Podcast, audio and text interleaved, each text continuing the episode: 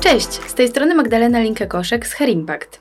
Witam Was serdecznie w podcaście Let's Talk About Her Money, powered by Santander Bank Polska. W dzisiejszym odcinku podcastu porozmawiamy o tym, jak rozpocząć proces negocjacyjny z inwestorami. Moją gościnią jest Magdalena Mielczarek, radca prawny, specjalista w obsłudze procesów inwestycyjnych, a w szczególności w spółki technologiczne. Cześć Magda, witam Cię serdecznie w dzisiejszym odcinku. Cześć, cześć Magda, e, bardzo dziękuję za zaproszenie. Bardzo się cieszę, że mogę dołożyć swoją cegiełkę do budowy tak fantastycznego źródła wiedzy e, biznesowej dla ambitnej kobiet, e, które tworzysz za pomocą Her Impact. Temat, o którym dzisiaj będziemy rozmawiali w dzisiejszym podcaście, to jest e, proces negocjacyjny z inwestorami. I stwierdziłyśmy, że poświęcimy temu cały oddzielny e, odcinek, e, ponieważ jest to temat rzeka w sumie, bo ile mam wrażenie spotkań, tyle E, tyle procesów negocjacyjnych. E, i mm, w sensie ile startupów, tyle procesów negocjacyjnych, o może tak, e, i ile rund inwestycyjnych, tyle procesów negocjacyjnych, więc chciałyśmy mm, przybliżyć Wam, jak wygląda taki proces od samego początku, czyli jak wygląda w ogóle cały proces inwestycyjny pod kątem poszukiwania tych inwestorów, ale właśnie od strony rozmowy z nimi, czyli od strony tak naprawdę mm, już samego momentu przekonywania do swojego pomysłu, tłumaczenia, pomysłu, no i później już na późniejszych etapach, kiedy wchodzą e, procesy całe związane z negocjowaniem umów inwestycyjnych, e, negocjowaniem term sheetów, rozmowami na temat procesu due diligence, czyli takiego e, sprawdzania i badania spółki jak należy z nimi na, jak najlepiej rozmawiać, żeby po prostu to też był przyjemny proces dla wszystkich i też no, zrozumiałe, bo to też jest bardzo istotne, żeby wszyscy mm, z dwóch stron wiedzieli, do czego dążą i wspólnie osiągnęli ten cel. E, więc Magda, zacznijmy od tego, że może powiedz tak bardzo pokrótce, e, właśnie jak wygląda ten proces inwestycyjny mm, i może też gdzie wyszukiwać w ogóle e, inwestorów. E, więc może zacznę od tego, że e, w mojej ocenie nie ma czegoś takiego jak standardowy proces inwestycyjny. E, każdy jest inny. U, każdy, u niektórych proces może trwać trzy tygodnie, u innych pół roku. To, że ktoś z was, Waszych znajomych negocjował z danym inwestorem przez miesiąc, to nie oznacza, że Wy również będziecie, będziecie negocjować przez miesiąc. Wszystko tak naprawdę zależy od rodzaju inwestora, kwoty inwestycji, struktury spółki, w ogóle nawet też formy działalności spółki kwestii tego, czy już jest inwestor jakiś na pokładzie, e, ilu jest założycieli, czy są jacyś doradcy, więc to wszystko wpływa tak naprawdę na, e, na timing i na w ogóle na cały proces inwestycyjny. E, więc tak może ogólnie powiem, że są, są takie rozróżniamy trzy główne etapy negocjacji, czyli w, pier w, pier w, pierwszej kolejności standardowo podpisywany jest dokument ogólny term sheet, następnie jest przeprowadzane przez inwestora legal due diligence, e, a docelowo jest podpisywana umowa inwestycyjna który jest tym dokumentem kluczowym e, i, e, i który, do którego dążymy. Nie zawsze wszystkie dokumenty są podpisywane w każdym procesie. Czasami zdarza się tak, że, że mm, inwestorzy decydują się na to, żeby przeskoczyć od razu do umowy inwestycyjnej. Natomiast najczęściej jest to spotykane w ten sposób, że, e, że najpierw e, podpisujemy jednak term sheet, e, jest to dokument niewiążący, ale jest to ważny element negocjacji z uwagi na to, że, że później tak naprawdę w, w ramach term sheetu ustalane są te podstawowe warunki ramowe dla stworzenia umowy inwestycyjnej. I tutaj ważne, aby dobrze term sheet negocjować, bo później powiela się te zapisy w umowie inwestycyjnej i później, jeśli nie będziecie tego mądrze, mądrze negocjować na etapie term sheetu, to Później po prostu jest ciężko z niektórych e, kwestii zejść. E, więc często u nas na przykład pojawiają się startupy już po podpisaniu e, term sheetu i dostają umowę inwestycyjną od inwestora. Chcą, żebyśmy wypunktowali im albo red flagi, albo abyśmy przeprowadzili proces negocjacyjny i często już te warunki, które widzimy na dzień dobry, no są takie dla nas niezbyt akceptowalne. Jako dla prawników ciężko jest po prostu nawet na nie patrzeć czasami, no ale trochę jesteśmy zamknięci, więc no już później, e, później e, coraz e, jakby trudniej jest, jest pewne kwestie adresować. Nie mówię, że są niemożliwe, no ale mimo wszystko to może trochę, że tak powiem, nieprofesjonalnie wyglądać ze strony startupu, jeśli, jeśli po prostu warunki, które gdzieś tam były wcześniej negocjowane, później są zmieniane. Więc sam taki term sheet to może być, są różne tak naprawdę podejścia. Może to być prosty dokument, jedna, dwie strony, podstawowych warunków, albo może być taki bardziej zbudowany, już bardziej precyzyjny, czyli e, jakieś nawet do 10 stron, już bardziej precyzyjne warunki, więc też jest indywidualne w zależności od inwestora. I, i A tak powiedz naprawdę... Magda jeszcze, e, Chcia, przepraszam, że ci się wtrącę, ale chciałam właśnie trochę tak jeszcze ustrukturyzować, żeby każdy dokładnie zrozumiał. Czyli tak naprawdę proces negocjacji należy rozpocząć przed podpisaniem term sheetu, czyli już tak naprawdę powinniśmy pomyśleć o, e, o tym, żeby wskazać nasze tak jakby warunki e, i też chciałam się tutaj Ciebie zapytać, na co my możemy sobie pozwolić na tym etapie negocjacji?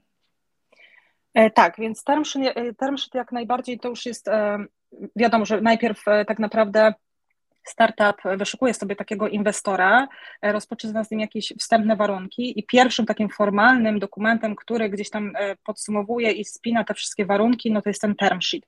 I tutaj właśnie warto, aby w tym term sheetie, z reguły wychodzi z, z projektem umowy inwestycyjnej, jak i term sheetem inwestor sam, e, więc tak naprawdę wprowadza tam w formę dokumentu wszystkie postanowienia, które gdzieś tam są ustalone są w ramach umów inwestycyjnych są e, przyjęte jakieś tam klauzule, które później są rozszerzone w ramach umowy inwestycyjnej.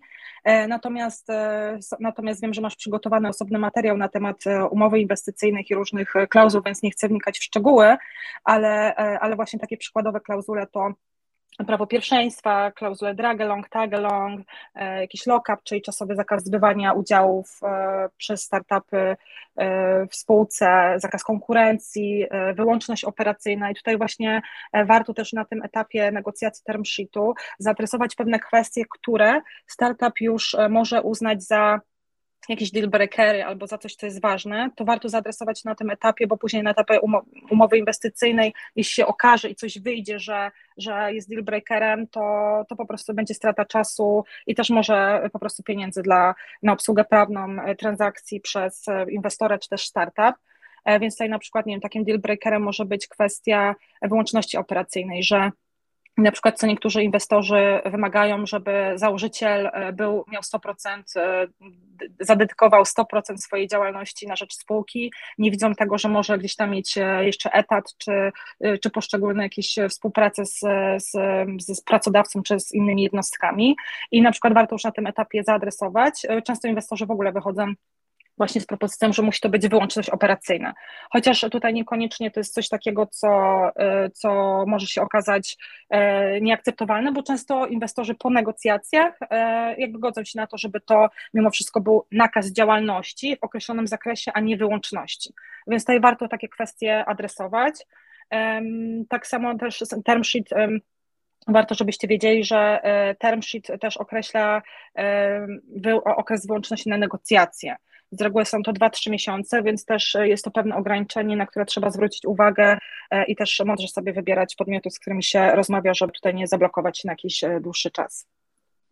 No właśnie tak sobie teraz myślę, że to, o czym wtedy, o czym wcześniej powiedziałaś, co może być takim w sumie istotnym elementem dla Was, żebyście pamiętali o tym, na co możecie sobie pozwolić i na co nie, no bo tak naprawdę podejrzewam, że tak jak wspomniałaś na przykład o takich kwestiach dotyczących poświęcenia 100% swojego czasu na startup, czy mm, ja jeszcze spotkałam się z tym, że jeżeli founderami jest e, na przykład para, no to też kwestie związane na przykład z ich przyszłym, nie wiem, małżeństwem albo, albo rozstaniem się, no jakby wszelkie, wszelkie rzeczy dotyczące nas i naszego takiego życia w sumie trochę prywatnego, mm, no to też myślę, że inwestorzy o to jakoś tam walczą, czy ten proces negocjacji prowadzą też w oparciu o ten element. I zastanawiam się, jak ty byś poradziła, no bo masz za sobą wiele doświadczeń takich rozmów, kiedy rzeczywiście warto stawiać jakieś granice granice e, i czy powinniśmy mm, robić to przy pomocy właśnie prawników, czy możemy również sami? Jak jest Twoim zdaniem e, lepiej? Są pewne standardy na rynku, które gdzieś tam są wypracowane. Co do zasady, raczej nie warto tracić energii, aby całkowicie wyrzucać te klauzule, e, bo one są jednak takim standardem na polskim rynku. Raczej trzeba się skupić na tym, żeby to wynegocjować po prostu e, e, lepiej dla siebie i żeby wynegocjować lepsze warunki. E, zdecydowanie doradzam to, żeby mieć doradcę, chociażby nawet nie tyle, żeby prowadzić proces negocjacji, chociaż to jest też rekomendowane dla wynegocjowania oczywiście lepszych warunków, natomiast chociażby, żeby, żeby taki doradca wypunktował red flagi. Tak jest z uwagi na to, że jest bardzo dużo klauzul, które są wiadomo dla startupów startupy zajmują się biznesem, nie zajmują się e, tak naprawdę weryfikowaniem kruczków prawnych, więc, więc warto, aby e, te, te klauzule po prostu w niektórych umowach, nawet nie tyle w niektórych, co te klauzule w umowach inwestycyjnych się przeplatają, e, więc na przykład mamy klauzulę prawa pierwszeństwa, mamy klauzulę drag along, czyli klauzulę drag along, gdzie inwestor zastrzega sobie prawo standardowo e, do tego, żeby móc pociągnąć, że w przypadku, kiedy znajdzie sobie innego inwestora i będzie chciał sprzedać swoje udziały, to ma prawo pociągnąć innych wspólników do tego, żeby sprzedali te udziały razem z nich. I często na przykład trzeba zwrócić w takich e, kwestiach uwagę, niby czytamy klauzulę, e, klauzulę drag along, wszystko się zgadza, wszystko jest ok. Ale na przykład, jeśli nie zestawimy tego z inną klauzulą, gdzie na przykład mamy prawo pierwszeństwa, to doprowadzimy do sytuacji, e, czyli prawo pierwszeństwa nabycia udziałów przy sprzedaży przez wspólników.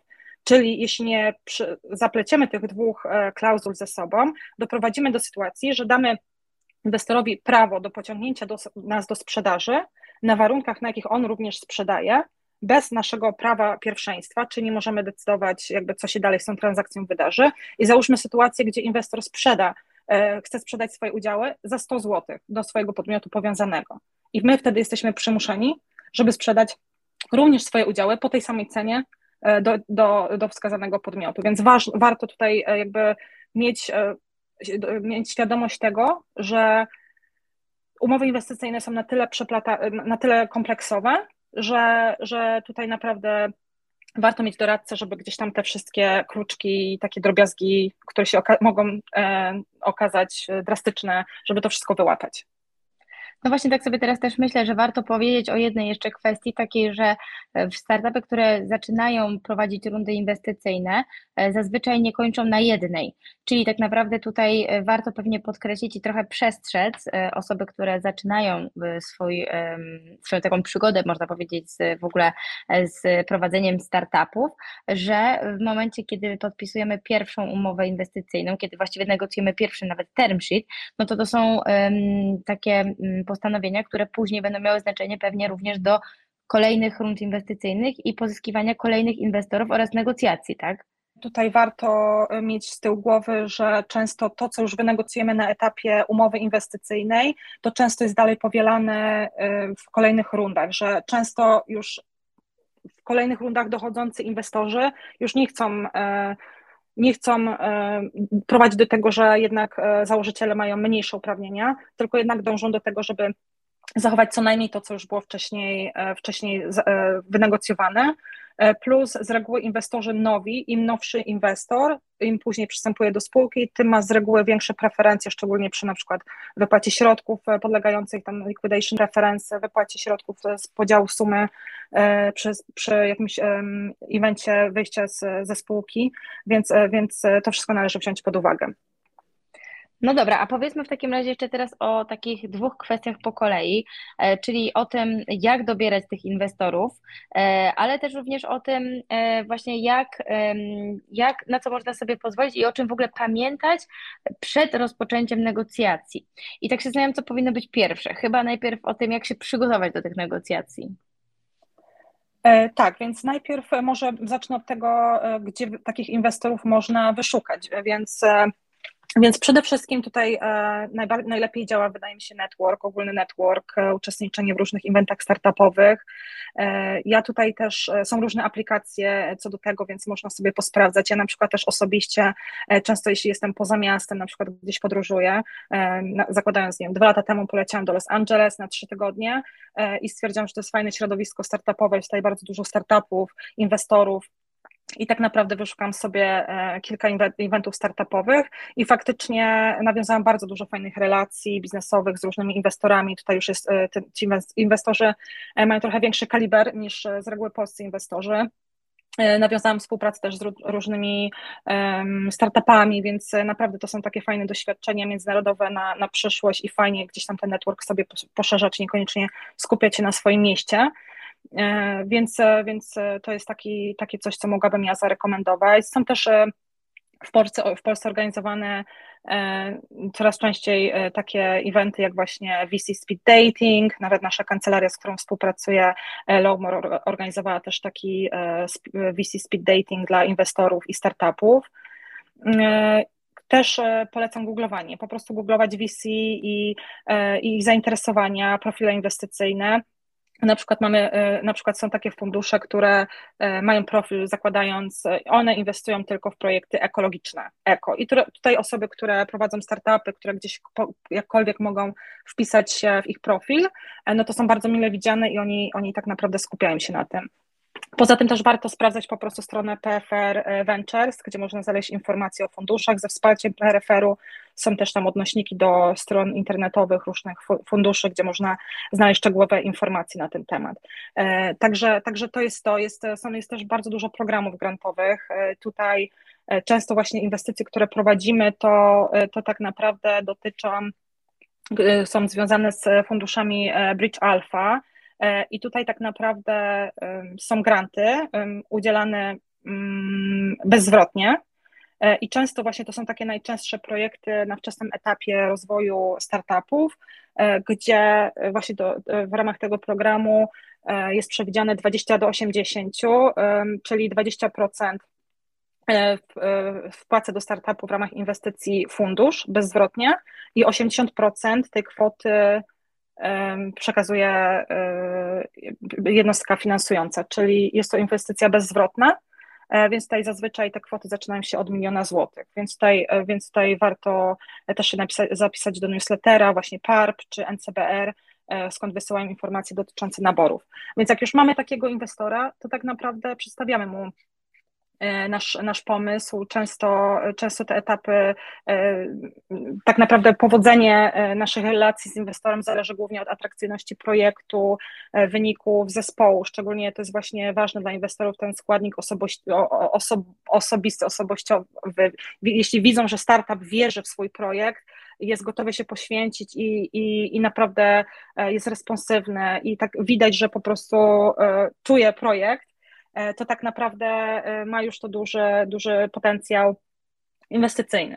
E, więc później tak naprawdę w zależności od tego, na jakim etapie, etapie startup jest, albo gdzieś tam przy pomocy inwestora składają jakiś biznesplan razem i, i tworzą jakieś pierwsze wstępne warunki, gdzie, na jakich chcieliby razem ten projekt przeprowadzić. E, i e, albo, albo po prostu mają już niektóre startupy mają w zależności od etapu rozwoju, mają już gdzieś tam wstępne e, informacje, jakiś wstępny research podstawowy o rynku docelowym, jakiś, jakiś zbudowany realny model biznesowy. I tak naprawdę to jest ten początek, gdzie, gdzie z nim przychodzą i przedstawiają ten projekt i, i razem ustalają z inwestorem co dalej, a pierwszym elementem takim, gdzie jest to sformalizowane, no to jest e, tak naprawdę ten, e, ten term sheet, gdzie to wszystko się zaczyna e, przeradzać w, w po prostu dokument prawny. No właśnie, Magda, a jeszcze tak się zastanawiam, może warto byłoby tutaj troszeczkę powiedzieć więcej na temat tego właśnie, czym się różni VC od, od Bridge Alpha i też pod kątem właśnie tych negocjacji, tak naprawdę, czy tutaj są różnice i jeżeli tak, to jakie? Tak, e, więc tutaj, e, tutaj mam, e, mamy różne rodzaje inwestorów. Mamy inwestorów, może, może opowiem tak po jednym zdaniu o różnych, o różnych rodzajach inwestorów. Więc przede wszystkim w pierwszej kolejności zaczniemy może od inwestorów prywatnych, czyli business angelsów. Tutaj tak naprawdę oni inwestują, e, zazwyczaj, zazwyczaj mają małe doświadczenie e, w, jakby inwest, w negocjacji, e, łatwiej też wynegocjować z nimi lepsze warunki, aczkolwiek zdarza się często, że oczekują dużej liczby udziałów na starcie. Tutaj te, te transakcje są najmniej ustrukturyzowane tak naprawdę. Oni robią mniejsze inwestycje, ale wnoszą smart money, czyli, czyli kontakty, doświadczenie, więc też warto mądrze pod tym kątem wybierać. E, innym rodzajem to fundusze prywatne VC, czyli zazwyczaj są to fundusze prowadzone przez bardzo doświadczone osoby. E, one nie mają ograniczeń, takie jak na przykład przy funduszach ze wsparciem czy dotacją. E, I tutaj negocjacje idą dość szybko i sprawnie. Jeśli chodzi zaś o inny typ, czyli fundusze inwestycyjne ze wsparciem zewnętrznym, czyli tutaj przykładowe te fundusze Bridge Alpha, o których wspomniałaś, czyli te, te fundusze ze wsparciem zewnętrznym z reguły PFR, NCBR, te fundusze mają e, tak naprawdę wiele ograniczeń wynikających z podpisanych umów właśnie z e, PFR czy NCBR. I tak naprawdę oni, co też przekłada się na, na czas negocjacji, że E, że tak naprawdę muszą gdzieś uzyskiwać te fundusze swoje zgody wewnętrzne e, i, e, i tutaj, tutaj te negocjacje z reguły idą po prostu trochę, trochę wolniej i trochę są bardziej ustrukturyzowane. Innym rodzajem funduszy są fundusze tak zwane CVC, czyli Corporate VC, czyli fundusze tworzone przez, jak sama nazwa wskazuje, duże firmy, korporacje. I te fundusze inwestują bezpośrednio głównie w małe, ale innowacyjne firmy technologiczne głównie na wczesnym etapie rozwoju. CVC e, inwestują przede wszystkim e, w firmy z tej samej branży, w której działa spółka matka, e, z uwagi na to, że często ich celem jest po prostu osiągnięcie celów strategicznych ich firmy matki z tej samej branży. Dlatego, dlatego, dlatego są zainteresowane głównie właśnie w, tym, w ten, ten sam sektor, który gdzieś tam ich dotyczy. E, inne fundusze, no to tak może trochę mm, mm, sztuczny podział na fundusze inwestycyjne zagraniczne. Tutaj tak naprawdę te negocjacje idą najszybciej i my tak naprawdę e, mamy takie doświadczenie, że w Europie europejskie fundusze ogólnie trochę traktują startupy inaczej niż w Polsce. W Stanach ogólnie e, raczej fundusze są bardzo agresywne na wczesnym etapie rozwoju, chcą bardzo dużo procent udziałów. E, natomiast w Polsce, e, w Polsce fundusze są bardziej restrykcyjne niż te europejskie. Często nam się zdarza to, że e, to, co gdzieś tam inwestujemy, jeśli dołącza do nas fundusz, do, do startupu polskiego, do wynegocjowanych warunków dołącza fundusz europejski, inny, to często jego standardy są dużo mniej restrykcyjne niż standardy, które są e, przyjęte w Polsce, czyli tak naprawdę negocjują nawet w ramach startupu, nawet takie fundusze, e, mając po drugiej stronie jeszcze fundusz polski, próbują negocjować e, wraz z startupem względem inwestora polskiego, żeby te warunki, które zaproponuje Fundusz Polski, były mniej restrykcyjne, żeby, żeby gdzieś tam zejść z tych, z tych restrykcji, które polskie fundusze z reguły jako standard proponują. Więc są takie bardziej profunderskie. No właśnie, a jeszcze tak się zastanawiam nad tym, jak to wygląda pod kątem właśnie widełek finansowych, które obejmują e, te wszystkie podmioty, o których wspomniałaś. E, więc tak naprawdę to jest zależne od etapu rozwoju i co za tym idzie wyceny. Jeśli już e, mają jakieś wyniki, przedsiębiorstwo już ma jakieś wyniki, no to jest to wiadomo łatwiej wycenić. Natomiast ogólnie start, wycena startupu, szczególnie na wczesnym etapie, no to jest takie trochę, jak to my mówimy na rynku, wróżenie z fusów. E, więc tutaj tak naprawdę często są różne techniki i tutaj e, z mojego e, przekroju prowadzonych transakcji wynika, że na wczesnym etapie, czyli czyli takim na, na, przy rundzie pre-seed czy seed, no to jest około, inwestorzy obejmują około 20%. W zamian za finansowanie, szczególnie to są te fundusze Bridge Alpha, gdzie prowadzą głównie inwestycje na, łącznie na, poziom, na poziomie miliona złotych, z czego 200 tysięcy około e, wpłaca sam fundusz oraz e, gwarantuje startupowi finansowanie e, z NCBR-u w kwocie 800 tysięcy złotych, więc te inwestycje z reguły są około miliona złotych. Często przy takich transakcjach fundusze Bridge Alpha obejmują około 20%. Czasami zdarza się 15, 20, często wychodzą z trochę wyższym procentem i to gdzieś z reguły zawsze się spotyka około tych 20 plus minus. E, a przy VC to rozumiem, że to zależy od wyceny. Tak, to w zależności od e, tak naprawdę od etapu, na jakim, e, na jakim jest spółka i, i z, reguły, z reguły to właśnie na ten sposób, w ten sposób wygląda, że przy, na wcześniejszym etapie rozwoju mniej więcej e, trzeba sobie to policzyć tak, że około miliona złotych e, inwestycji za 20%. Mhm, rozumiem. No właśnie, bo to jest też bardzo ważne, żeby wiedzieć, na co można sobie pozwolić, trzeba też znać dokładnie wycenę własnego startupu. E, no i też przede wszystkim wiedzieć, e, na ile możemy sobie pozwolić, jeżeli chodzi o oddanie tych procent, bo to przekłada się również na całą rundę inwestycyjną. Ja też tak sobie myślę, że ze własnego doświadczenia mm, mam, e, dowiedziałam się kiedyś o tym, że najlepiej na samym początku, planując w ogóle finansowanie własnego startupu, założyć kilka rund do przodu z jakimiś prognozami i wskazać po prostu, jak będą rozwadniały się udziały na kolejnych etapach. No, aby jednak jako founderka, jako, jako założycielka startupu wiedzieć, kiedy tą kontrolę zacznę tracić. tego warto sobie też zaplanować kwestię ESOP i tutaj przewidzieć jakąś pulę na ESOP, bo często ten, ten, ta kwestia się pojawia prędzej czy później, zazwyczaj na etapie umowy inwestycyjnej, gdzie inwestor zastrzega, że, e, że jednak chciałby, żeby ten program ESOP, jeśli będzie prowadzony w spółce, no to przy, przy tym pierwszym rzucie był jednak zrozwodnienie się e, założycieli. Więc często też przewidzieć, że jednak ten procent udziałów i z reguły na ESOP jest przeznaczany około 5 czy 10% e, udziału, więc tutaj warto też zwrócić na to uwagę, że inwestor właśnie będzie podejrzewam zakładał od samego początku, że ta pula się rozwodni z puli inwestorów, przepraszam, z założycieli. No właśnie, a jeszcze powiedzmy o jednej kwestii, bo tak mi się wydaje, że to jest istotne, bo często bardzo, przynajmniej na polskim rynku, czytamy o tym, że e, inwestorzy inwestują wspólnie, czyli koinwestują e, w danym startupie. I proszę powiedz Magdo jeszcze, jak to wygląda pod kątem właśnie e, negocjacji? Kto ma przewagę? Jak powinniśmy do tego podchodzić, patrząc z perspektywy startupu? Jeśli chodzi o e, takie koinwestycje, z reguły one nie są dużo bardziej upierdliwe niż, e, niż e, inwestowalibyśmy z jednym inwestorem, z uwagi na to, że z reguły oni, jeśli nawet nie mają jednego prawnika, często to się zdarza, że mają jednego prawnika, który negocjuje w ich imieniu, nawet jeśli nie mamy jednego prawnika, to często jeden inwestor obejmuje rolę lidera w, tej w tych negocjacjach i on tak naprawdę prowadzi z nami cały proces negocjacji. I na sam koniec uzyskuje akceptację, bo tak jakby między sobą wewnętrznie dogadują się mniej więcej, jakie chcą, e, jakie mają oczekiwania względem swojej pozycji i siły w, w, w spółce. Dlatego jeden inwestor często reprezentuje drugiego i na koniec dnia po prostu uzyskuje tylko akceptację od tego drugiego. E, I więc, więc nie, nie dokłada, przynajmniej z mojego doświadczenia wynika, że nie, nie dokłada to nam e, większych zmartwień.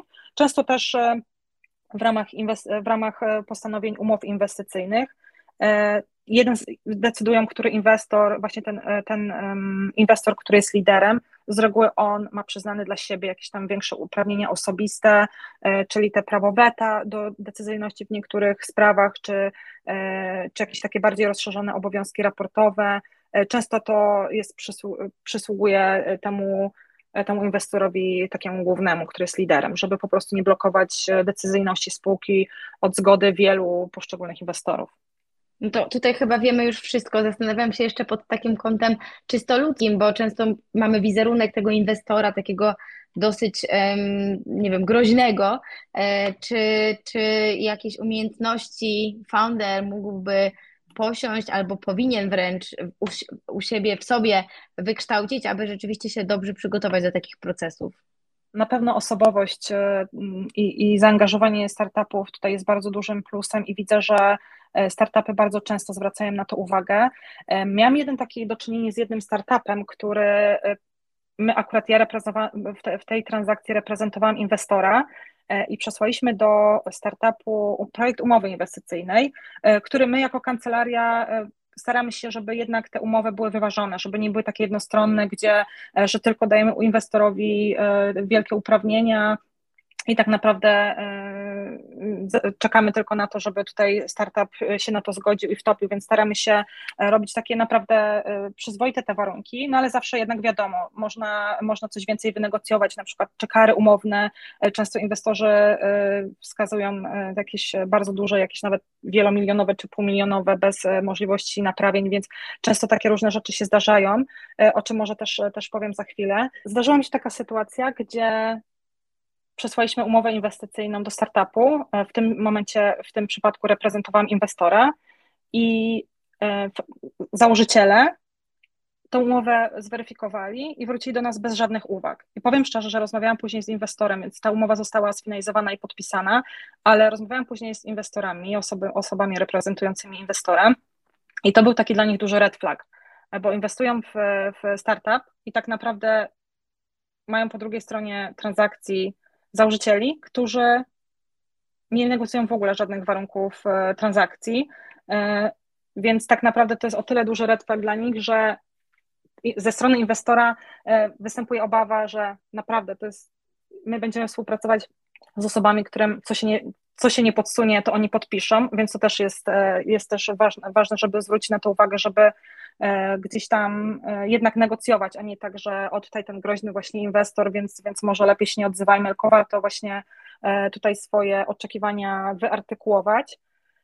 Warto też właśnie zwracać uwagę na różne pułapki typu, gdzie inwestorzy wrzucają do, do umowy wspólniku, do umowy inwestycyjnej typu na przykład wygórowane kary umowne, które są zazwyczaj zastrzeżone na kilkaset tysięcy złotych wstępnie. Wiadomo, tutaj naszą rolą jako, e, jako doradców jest to, żeby te kary umowne e, gdzieś tam redukować, bo często są zupełnie niewspółmierne do kwoty inwestycji, typu właśnie fundusz Bridge Alpha e, inwestuje tak naprawdę prywatnych środków 200 tysięcy, zapewnia dofinansowanie 800 tysięcy i czyli na koniec dnia gdzieś tam się spotyka w tej spółce ten milion złotych, przy czym realnie fundusz wkłada 200 tysięcy, a zastrzega sobie na przykład kary umowne za naruszenie zakazu konkurencji pół miliona, plus do tego umorzenie wszystkich udziałów.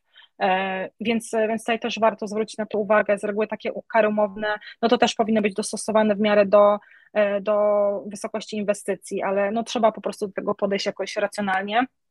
My z reguły negocjujemy, żeby te kary umowne gdzieś tam były w w wielkościach kilkudziesięciu tysięcy złotych, a nie set e, albo kilkuset, e, więc to jest to. E, warto też zwrócić uwagę na inne kwestie, na przykład tutaj zwracam uwagę, co jest bardzo, pojawia się praktycznie w każdej propozycji umowy inwestycyjnej wystosowanej przez inwestora, czyli kwestia lock-upu, czyli czasowego zbywania udziałów oraz wyłączności operacyjnej.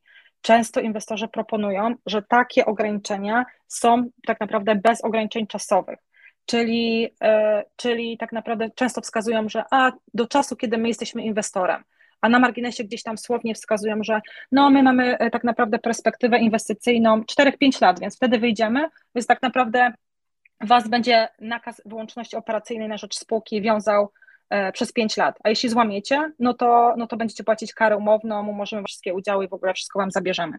E, więc tutaj warto zwrócić na to uwagę, no bo co jeśli inwestor nie wyjdzie? Owszem, no to jest taki e, plan cudowny, że wyjdzie i w ogóle wszyscy się skaszujemy i tak dalej, no ale co jeśli ten inwestor będzie, albo jeśli, jeśli ten inwestor nadal zdecyduje się być w spółce, więc my tak naprawdę będziemy zobowiązani, żeby w tej spółce być bez znaczenia, czy będziemy, będą tak naprawdę realnie, y, będzie, czy spółka przestanie nam wypłacać y, wynagrodzenie z tego tytułu, bo może już na przykład nie mieć środków, będziemy uwiązani, więc to jest warte, warto, aby wynegocjować jakieś y, mimo wszystko ramy czasowe, że owszem, do momentu, kiedy inwestor będzie, ale nie dłużej niż na przykład 4-5 lat. E, więc to jest też ważne, bo, bo to takie widzę prywatnie, że, mm, że może naprawdę bardzo mocno e, dotknąć założycieli, jeśli nie przewidzą tego i gdzieś tam w międzyczasie będą mieć złe relacje inwestorskie z, z inwestorem. Dokładnie, prawda jest taka, że podpisujemy umowę zazwyczaj no, na też te złe czasy, czyli e, warto zachować tutaj ten profesjonalizm, warto korzystać z pomocy i też tak naprawdę nastawić się na to, że, ne, że negocjacje lepiej czasem przedłużyć, aby po prostu uzyskać e, no, lepszy wynik dla siebie tak naprawdę, no bo później, tak jak mówiłyśmy, e, inwestor zostaje na dłużej, to nie jest tak, że jest po prostu z nami chwilę i potem, potem go nie widzimy, tylko rzeczywiście jest, staje się tak naprawdę naszym wspólnikiem w tej spółce, no a więc zależy mu również na tym, aby ta spółka szła do przodu, więc będzie się pytał, będziemy musieli raportować, będzie tutaj dużo bardzo takich tematów, co do których lepiej się zabezpieczyć zawczasu. Mm, zastanawiam się, Magda, czy wskazałabyś coś jeszcze na koniec naszej rozmowy, co może być interesujące albo ważne w ogóle dla funderów. Wskażę tylko tyle, żeby się nie, tak jak właśnie wskazałaś, jeśli chodzi o, o tych inwestorów, że, żeby się ich nie bać, więc tutaj naprawdę z reguły y, są to bardzo fajni ludzie, są bardzo pomocni i naprawdę w ich interesie jest również to, żeby e, startup się rozwijał. E, często właśnie środowisko startupowe jest bardzo przyjazne, nie ma takich nadętych e, sformułowań pani pan, tylko z reguły wszyscy, niezależnie od wieku, jesteśmy na ty, więc to powoduje naprawdę e, współpracę z bardzo fajnym środowisku. E, i też, też właśnie inwestorzy. Jeśli dobierzemy sobie fajnego inwestora, to on też nas pokieruje dalej, co, co uważa ze swojego doświadczenia i z doświadczenia swoich doradców, i swoich, bo też często inwestorzy prowadzą po prostu mentoring, więc tutaj też, e, więc warto wybrać też inwestora pod takim kątem, żeby trochę szerzej, e, szerzej do tego podszedł i możliwe, że wsparł nas e, biznesowo również na kilku innych płaszczyznach, nie tylko po prostu wrzucić kasę i, i tak naprawdę obserwować, co z tym zrobimy. Bardzo Ci dziękuję za dzisiejszą rozmowę i za podzielenie się tyloma ważnymi informacjami. Mamy nadzieję, że będziecie wracać do tego podcastu, bo jest uniwersalny. No i życzymy Wam dużo powodzenia i szczęścia z przyszłymi inwestorami. Ja również bardzo dziękuję i trzymam kciuki za rozwój Waszych działalności. Dzięki.